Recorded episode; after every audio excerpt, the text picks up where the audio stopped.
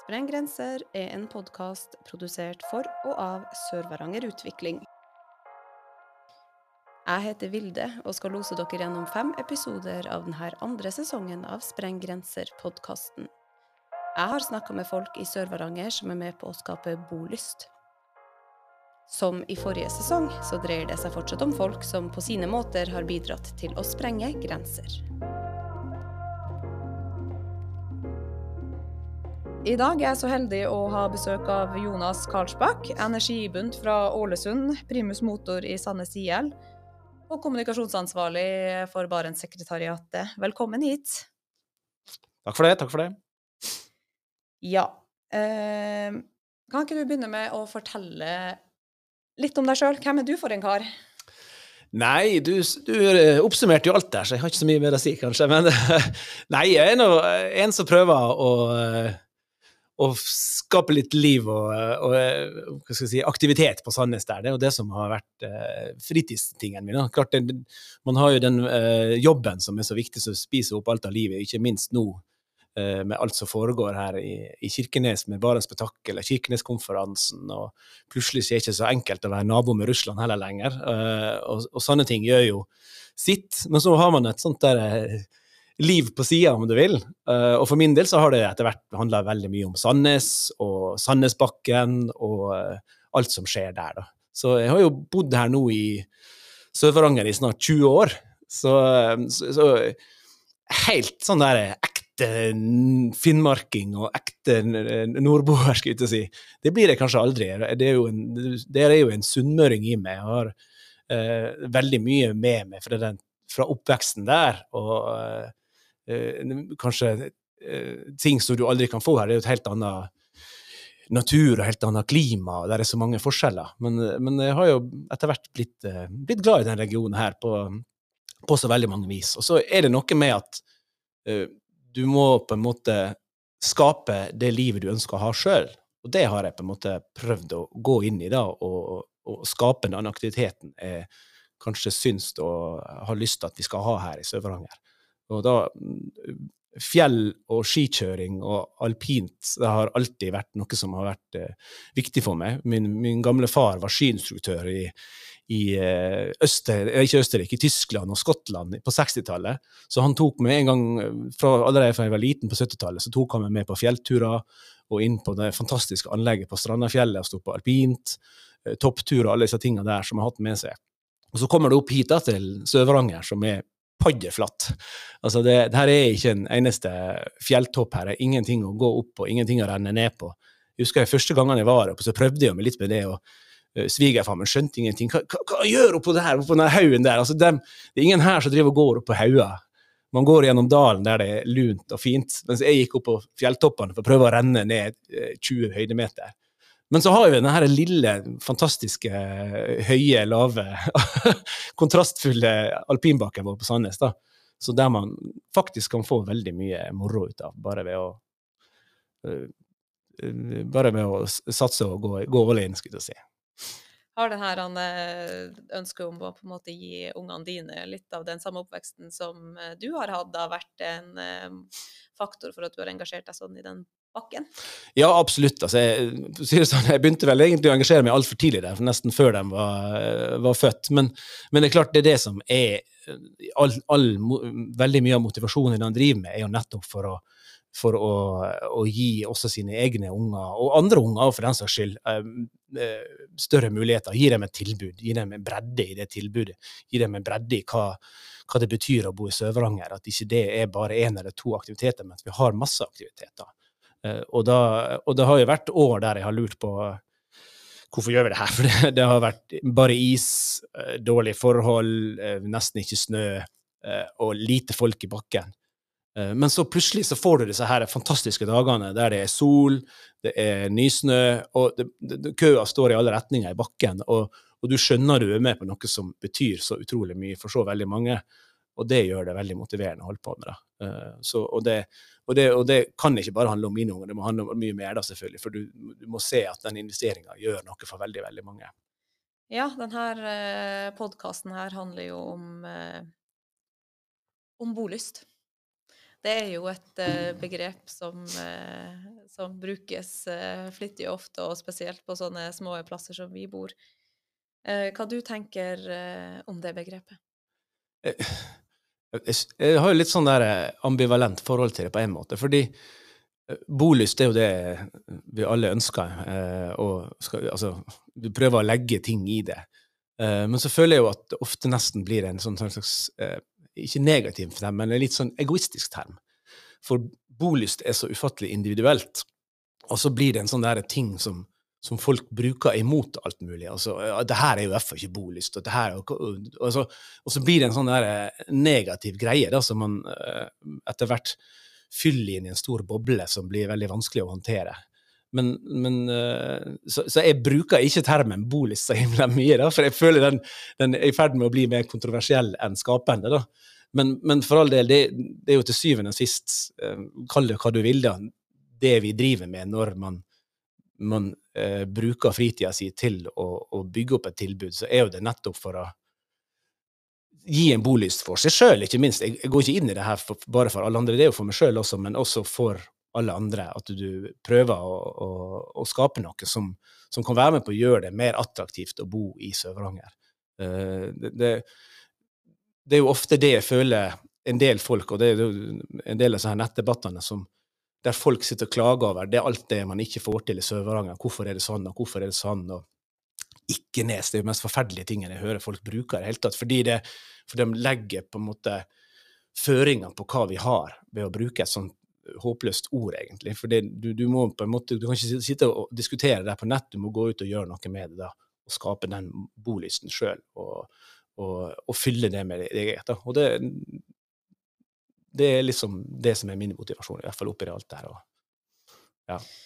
Du tenker om uh, mulighetsrommet vi har her da, på en liten plass for å gå ut og gjøre som du sier, og skape den bolysta sjøl?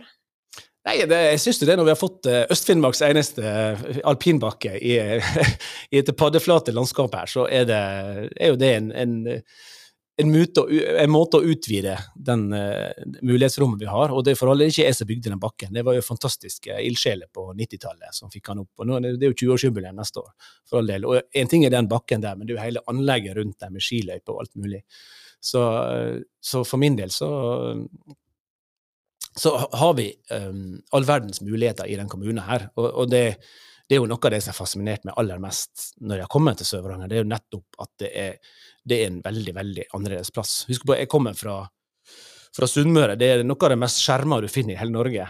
Vi bor helt ytterst på kysten der. Det er, jeg, første gang jeg kryssa ei landegrense, da var jeg åtte år. Uh, det er ganske farlig å kalle det homogent, men, men fall, det er veldig annerledes når du ser den kulturmangfoldet og, og de, alle de språkene, alle de nasjonene som møtes på denne lille plassen her, og hvor internasjonalt det på, på, veldig mange måter er å bo her, da, på en annen måte enn, enn det på Sunnmøre, der du har næringsliv og internasjonalt på den måten. Men her er det så mye mer uh, på, på grasrotnivå, på en måte, den internasjonale og veldig spennende dimensjonen som er da. Uh, og det gir jo så utrolig mange muligheter uh, på alle plan. Da. Og for vår del, i alpinbakken i hvert fall, så jo det, går jo det på uh, det samarbeidet vi kan ha med finske alpinsteder, finske skiløpere, og ikke minst, som vi har hatt aller mest samarbeid, det er jo russiske alpinister som er så ivrige. Der er jo en stor slalåmklubb i ja, stor og stor, men en betydelig slalåmklubb i, i Nikkel, med, med aktive utøvere som fer rundt og de er kjempeivrige på et helt annet nivå enn oss når det kommer til slalåmkjøring. Og det er så artig å se dem komme inn, eh, inn, til Sandnes gang på gang. Vi har jo tross alt en bedre heis enn dem, og en, kanskje en bedre bakke og bedre muligheter for å preparere det. Så de syns jo det er kjempegøy å komme dit og er med på renn og, og, og dundre ned bakken der. Så, så disse tingene der gjør at det er jo et vell av muligheter eh, i Sør-Varanger og i, i, Kirkenes som man bare må, må evne å ut, utnytte. og man man kan ikke si at det og det ikke går an her. Det, det går ikke an å lage Gran Canaria her, kanskje, men du må, du må snu på det og, og lage da, verdens mest fantastiske arktiske opplevelser. Så, eh, og der, der, er det bare å peise på. Du nevner jo det litt, det her med at du var åtte år før du, du kryssa en eh, landegrense. Men eh, da du kom hit da for 20 år siden, var, husker du hva førsteinntrykket ditt var av, eh, av Sør-Varanger, og hva du tenkte liksom, hva var de største forskjellene fra, fra, der du kom fra, da? Nei, altså, den, den, den, visuelle forskjellen er jo veldig åpenbar. Det er, så, det er så, åpent, det er så stort, og det er så hvitt eh, på mange måter. Jeg var jo første gang i påska 2000, det var vel da. Så det er klart det blir, en, en, eh, det blir et helt annet landskap. Og, og kanskje i starten så, så, tenker man på alt man, man ikke har, da. Uh, og det at man må, må legge om litt uh, hvordan man tenker naturopplevelser spesielt, er jo ikke minst min, min, kjære far vokste opp med at alt handler om et mål. alle turer handler om å nå et mål, å nå den toppen Eh, og ta den nedkjøringa og, og, og, gjøre sånn, og, den turen fra den, den hytta til den hytta. Uh, og det er veldig annerledes i Finnmark. Og det ja, ja, kanskje ennå ikke, for her har alt et formål. Her skal man gjøre noe. Man skal fiske, man skal jakte, man skal eh, på scootertur fyre bål. Altså Det er så annerledes. det der Fortsatt så, så, så, glemmer jeg å ta med bålved, for det er, ikke, det er ikke noe vi har gjort på tur i oppveksten. Da Jeg har vært her i 20 år. Og, og det er liksom eh, ikke det første jeg tenker på når jeg skal ut på tur, men, men du må, må, på en måte legge om disse, disse tingene der. Så klart, eh, den forskjellen var ganske, ganske klar i starten. Men, så, men det var klart jeg, jeg, hadde akkurat det samme uh, tinga i kroppen jeg kom hit, som veldig mange andre turister som kommer hit. Det med at det er så langt nord. Uh, det at det er, er, så kaldt, og ikke minst nærheten til denne rare naboen der på andre sida som snakka et helt annet språk, som jeg ikke hadde noe forhold til egentlig før jeg kom opp hit, annet enn det du får gjennom, gjennom riksmedia og TV, og det bildet du får av, av eh, da de eh, på den tida Boris Jeltsin og en helt pur ung eh, Vladimir Putin. altså På den tida der så, så, blir det en sånn veldig veldig skummel og rar ting. Jeg husker jeg for ned i Grense Jakobselv og, og, så over, der du, der du, vet det er veldig kort over grensa på disse første turene, og, og, og, liksom Oi, der er Russland! Og den, eh, den, den, der følelsen der, og da var det ikke lov å ta bilde engang. Husker vi sneik oss til å ta et bilde? Altså sånne, sånne ting som så det der da, som var veldig fascinerende med det første møtet. Og jeg må jo innrømme fortsatt, så når jeg kjører inn til Nikke eller Zapoljani det, det det er litt av den der følelsen har jeg fortsatt, for det er altså så kontrastfylt, tross alt, da, når alt kommer til alt. Vi er veldig, vi har mange like utfordringer, likheter mellom Norge og Russland, men så er det, det er veldig mange forskjeller også, som gjør det så utrolig fascinerende da, å bo her oppe. Hvordan kom du inn i den, eh, den jobben i Barentssekretariatet, eller når begynte du der? Jeg begynte der i 2008. Jeg var jo først i, eh, i Sør-Varanger Avis da jeg kom opp. Jeg er jo utdanna samfunnsgeograf, egentlig. Uh, og hadde jo en, en, plan, sånn som alle samfunnsgeografer. Den går inn i plan- og utviklingsavdelinga, og så, så, begynner de å, å, se på eh, arealdisponeringer rundt omkring i, i fylket og, og kommuner. Uh, og så fikk jeg jo faktisk tilbud om et vakariat på kommunen uh, her på Sør-Varanger kommune. Så, men så var det samtidig hadde jeg drevet og frilansa litt da, mens jeg var ferdig å studere uh, for Finnmarken. Og plutselig så var det ledig en jobb i Sør-Varanger Avis. tenkte jeg, for det var noe jeg alltid hadde drømt om. Så bare hoppa i det. Ja, ja, det her får jeg, får jeg En sånn jobb i planutvikling kommer sikkert tilbake. Men, eh, men avisjobb og jobbe i media, det, det, er liksom Det er kanskje nå sjansen er. Så da hoppa jeg i det, og da var jeg der i fire år og, og hadde utrolig gode erfaringer med det. Og dermed så plutselig åpna det seg også en mulighet for å jobbe med kommunikasjon i, i Barentssekretariatet, som nå har vært da i, i 14 år. Så, eh, og prøve å, å, skape gode historier og, og, og prøve å skjønne det, det, forholdet som er mellom nordmenn og russere og finner og svensker oppe i nord. Så det har vært eh, en utrolig reise, fordi, ikke minst fordi det har vært gjennom så mye forskjellig siden 2008 og, og, frem til det vi ser nå i disse dager her, som er så dramatisk og, og så urovekkende på alle vis. Det er klart, det er utrolig givende, ikke minst, og, og, fascinerende og spennende å jobbe med, med, en sånn nabo som vi har her. Det setter jeg stor pris på. Så du er glad nå for at det ikke ble det vikariatet på plan og utvikling?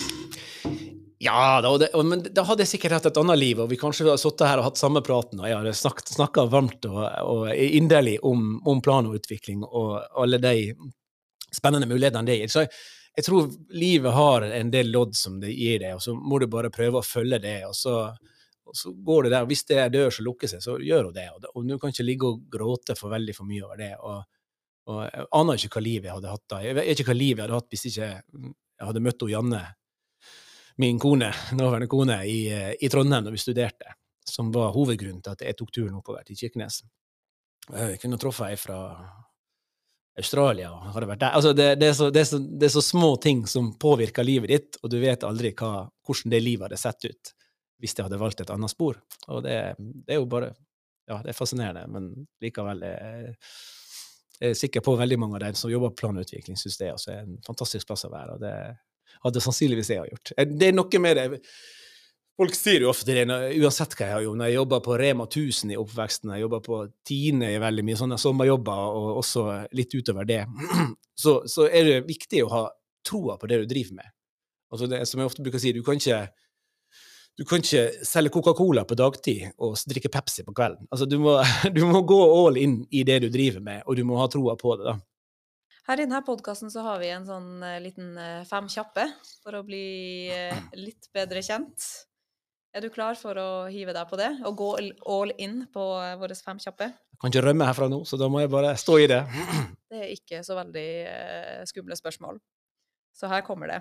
Måke snø eller slå vekk mygg? Um, det er hva jeg helst ønsker, da. Ja. Ja. andre snø. ja Mokkesnø. Midnattssol eller nordlys? Å, den er vanskelig. Den er vanskelig, for det, begge deler har så mye ved seg, altså. Men eh, nå er jeg blitt så glad i sykling siste året, så jeg sier middagssole. Kongekrabbe eller reinsdyr? Ja, reinsdyr. Grense Jakobselv eller Pasvik? Oh, det, det er vanskelige problemstillinger her. det, Men, men for øyeblikket Ja, Pasvik sier jeg nå. Ja. Snøscooter eller ski? Nei, jeg sier ski. Men jeg er glad i scooter, og jeg har kjøpt meg en stor, stor monster av en scooter. Det er fint på scootertur. Men jo da, ski. Men eh, jeg tenker at det ene utelukker ikke det andre. Nei. Og så siste, da, nummer seks. Eh, hvor er ditt favorittsted i eh, Sør-Varanger, og hvorfor? Nei, det, det gir seg vel sjøl, for så vidt, at det, å stå jeg må si Favorittstedet må kanskje være da helt på toppen av Sandnesbakken, der du står ved hoppbakken der og, og ser innover Langfjorden. Ser ned til det flotte huset vårt som vi nå barndomshjemmet til Janne som vi kjøpte. Og da har du liksom utsikt over hele bygda der, og når sola ligger og, og vaker over Langfjorden, og, og du kan se over det landskapet som er for Litt sånn tilbake til det vi snakka om å si, når jeg kom hit første gang, på en måte fremsto som litt kjedelig. Eh, et kjedelig landskap som jeg har blitt lært meg til å sette pris på på en annen måte, for jeg, nå ser jeg på det mye mer som veldig mektig, fordi det er så, det er så vidt, det er så, det, er så, det er så stort. Du får en helt annen sånn, respekt på det på den måten, da, fremfor å stå ved, ved foten av et fjell som er 1500-2000 meter, sånn som det er på Sunnmøre, så, så blir det en helt annen, og det ikke minst når man kjenner naturen og, og, og, og kulden, og der er, der er så mange på en måte utfordrende elementer ved det også, da, som gjør det veldig, får en stor respekt for det, det landskapet. Nå skal vi også en tur til eh, plassen som står ditt hjerte nærmest her i kommunen, nemlig Sandnesbakken. Jeg har vært en liten tur i bakken og prata med noen av dem som eh, bruker den aktivt. La oss høre på det. Det var storstilt åpning og stinn brakke da Sandnesbakken starta heisen første helga i januar. Sida har store og små strømmer til anlegget, som drives fullt og helt på dugnad og hjelp fra gode lokale sponsorer. Kafeen holdes også åpen to ukedager og helger igjennom. Lise Mentejärvi Hølvold er en av primusmotorene bak disken. Ja, vi har ei gruppe på omtrent 30 stykker som jobber dugnad. Eh, Det er foreldre og barn som er glad i å være i bakken, som jobber inn. Eh, Og så er det noen som ikke har noe barn i det hele tatt, som bare er med i gruppa. Eh, Og så når vi da, når dugnadslysta går litt nedover i løpet av sesongen, så er det 16-åringer som står her og får betalt for det. Så, men ellers er det dugnad. Jeg har jo tre unger som er veldig glad i å være her. Eh, De er jo tenåringer nå, så de er absolutt Det er jo derfor jeg står her i hovedsak. Eh, Så de kommer sikkert til å ta over stafettpinnen etter hvert. Men jeg er jo veldig glad i å være i bakken sjøl. Og vi er jo avhengig av den dugnadsgjengen for å kunne ha det åpent. Vi gjør det for at ungene skal få kunne være i bakken. Det er, ikke, det er egentlig ikke å ofre en ettermiddag. Det gjør ingenting. Utafor Silhuset står en minibuss fra Pasvik folkehøgskole, og ganske kjapt dukker det opp to unge menn med henholdsvis østlands- og egersundsdialekt. Mats Lillehol og Henrik Sleveland. Og vår side. Det Foreløpig så er det, det er ganske greit. Ja, det er veldig fint. Det eneste er det er litt eh, kaldere her oppe enn eh, på Østlandet. Eller jeg søkte på folkehøyskoler, og så kom det, kom det noe alternativ for at vi Hobbyen jeg, det jeg driver med på fritida, er jakt. da. Jakt og friluftsliv. Og da så kom det opp eh, Pasvik folkehøgskole, så det var jo så langt nord du kunne komme, da, så da måtte jeg prøve. Så da søkte jeg, og så var jeg heldig og fikk plass. Så det var jo jeg har ikke angra et sekund heller. Hva syns dere om muligheten til å komme hit og stå litt på snowboard? Ja, det er gull. Enkelt og greit. Absolutt. Det er eh, deilig å ha en liten bakke. Det trenger ikke å være så mye for å ha det gøy. Det er ikke bare folk med egne barn som stiller opp og jobber dugnad for Sandnes IL. 24 år gamle Anne Mikkelsen fra Tromsø er trener for den nyoppstarta alpingruppa. Å engasjere seg i frivilligheta har vært gull verdt for å bygge nettverk på en ny plass. Og skal vi tro ungene på trening, har det å få en egen alpingruppe vært kjærkomment. Mm, Fordi jeg syns det er gøy å være i slalåmbakken. Hva er det dere lærer her, Abi? Vi lærer å kjøre slalåm. Så, ja, Hvorfor ble du med? Fordi jeg bruker å sløre, slalåm veldig mye når det er åpent. Og ha det gøy. Og hoppe. Hoppe. Ja, hoppe og ha det gøy. og være fri fra skole. Dere må holde på scenen og sitte på toppen. Så kommer jeg også etterpå. Nei, jeg elsker å stå på ski og elsker å skape aktivitet for unge. Så jeg tenkte at det var, det var ikke slalåmklubb. Og, siden jeg selv er vokst opp med, med ski på beina og, og har en trenerutdannelse, så tenkte jeg at da må jeg bruke den til noe godt. Du som er nytilflytter, hva du tenker om det å liksom bidra litt sånn på fritida og ja, litt sånn frivillig, da? Jeg tenker jo at det er kjempeviktig. Jeg føler jo selv at jeg har fått et kjempegodt eh, nettverk her, og, og jeg stortrives jo. Og jeg har jo fylt opp dagene mine. Og, og det er jo fordi at det er, man ser mulighetene og, og hiver seg med. Og akkurat sånne her ting. Du blir jo kjent med mange. Både foreldre og unger og ja, andre trenere. Det får skape, skape noe. Det er jo veldig gøy. I denne reportasjen så, så, så hører vi jo at eh, bakken Holdt på å si din. bakken på Sandnes og skianlegget der eh, driftes eh, 100% på, av eh, ja, dugnad og frivillighet. Eh, Kan du fortelle litt om, om eh, holdt på å si, den, det maskineriet av folk som er i gang i løpet av sesongen? Ja, ja. ja, det er jo, som du sier, det er jo i aller høyeste grad ikke min bakke, fordi det, det, er, det er jo en, en stor, stor jobb å få det her til å rulle rundt. Du hørte jo hun, eh, Lise her, som er leder for kioskarbeidet, som, og den dugnaden som går i- gjennom det. Uh, og vi har og, masse folk der. Jeg tør, jeg tør egentlig ikke nevne navn, fordi det er, det er såpass mange. Det er mange som, som gjør veldig, veldig mye for å få det her til å gå rundt. Jeg tenker det er Fire dager i uka skal vi ha det her åpent, eh, og det er et lite idrettslag som som eh, for all del har begrensa med folk eh, tilgjengelig sånn i utgangspunktet, fordi vi ikke har hatt en aktivitetsgruppe.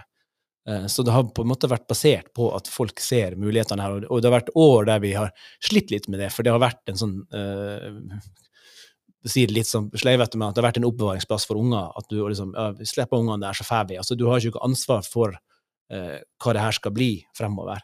Uh, og der føler jeg at de siste åra har vi klart å snu veldig på det. Vi, fått, vi har vært flinke, og det er veldig mange som har dratt det lasset for at vi skal få flere inn og få på en måte en, en kjærlighet til den bakken, og skjønne at det, for at vi skal få det til å gå rundt, så må flere bidra.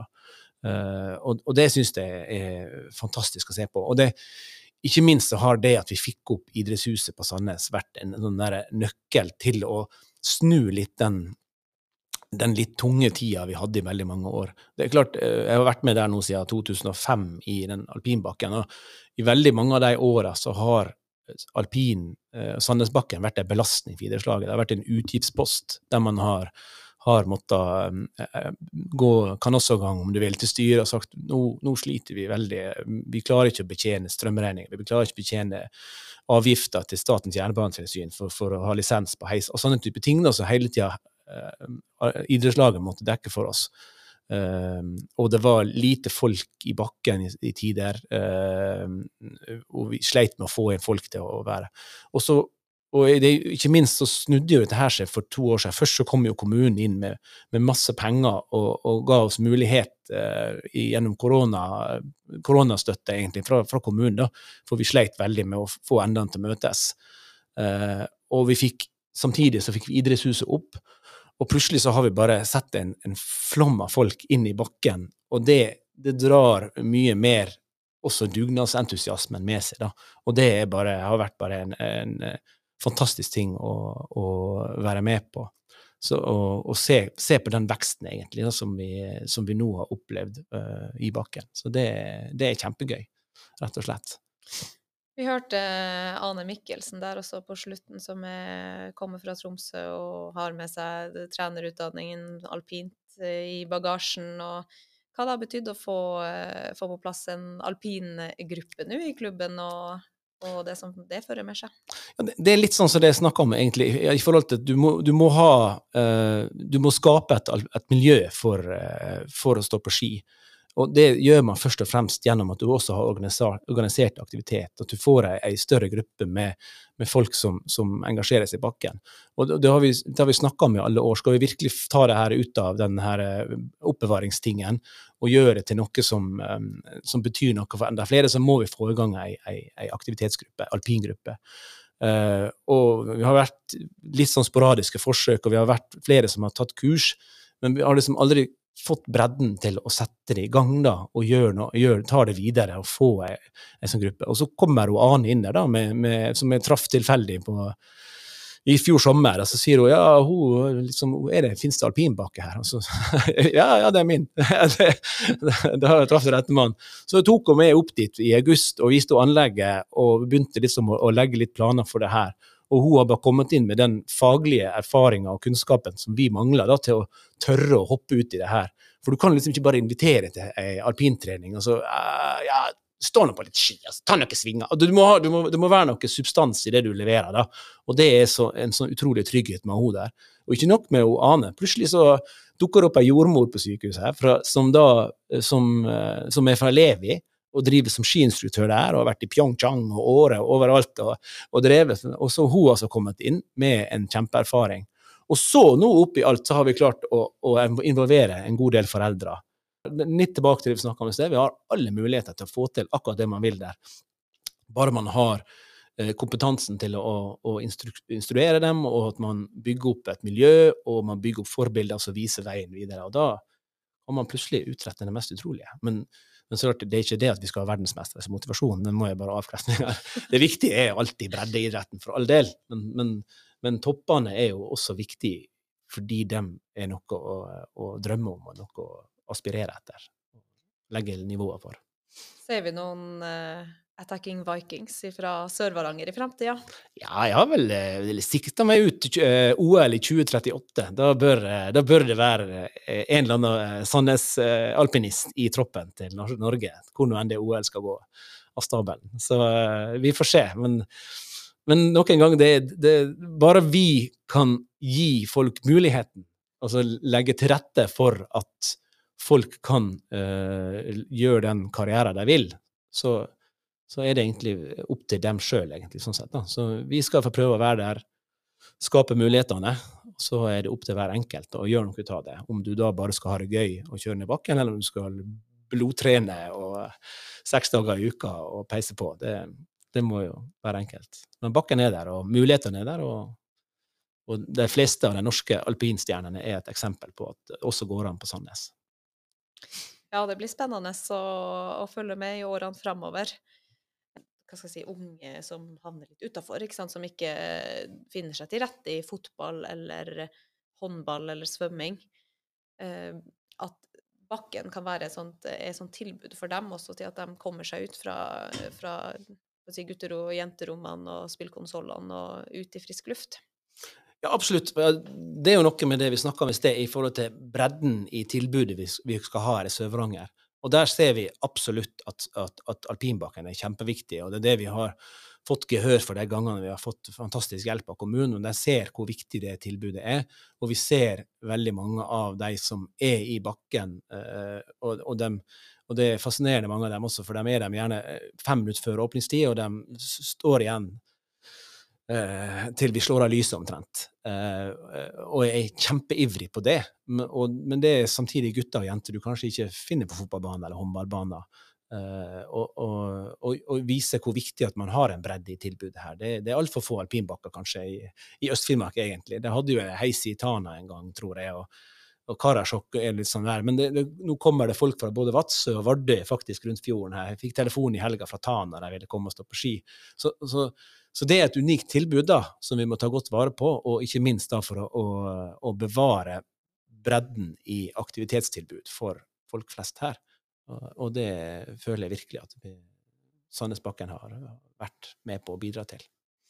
Mm. Jeg tenker kanskje at uh, vi sier at det var siste ord. Og så får du, Jonas Karlsbakk, ha tusen takk for at du kom hit og prata litt. Ja, det var veldig trivelig å komme her og prate litt om eh, mitt, flotte bakken vår på Sandnes. Og så håper jeg at det blir eh, masse folk som legger turen her igjen. Nå skal vi ha åpen bakke snart, og det blir snart mars og lyse dager og sol, og da eh, er det Nå, nå kommer indrefileten på sin plass. Masse fint å se frem til. Tusen takk skal du ha. Bare hyggelig.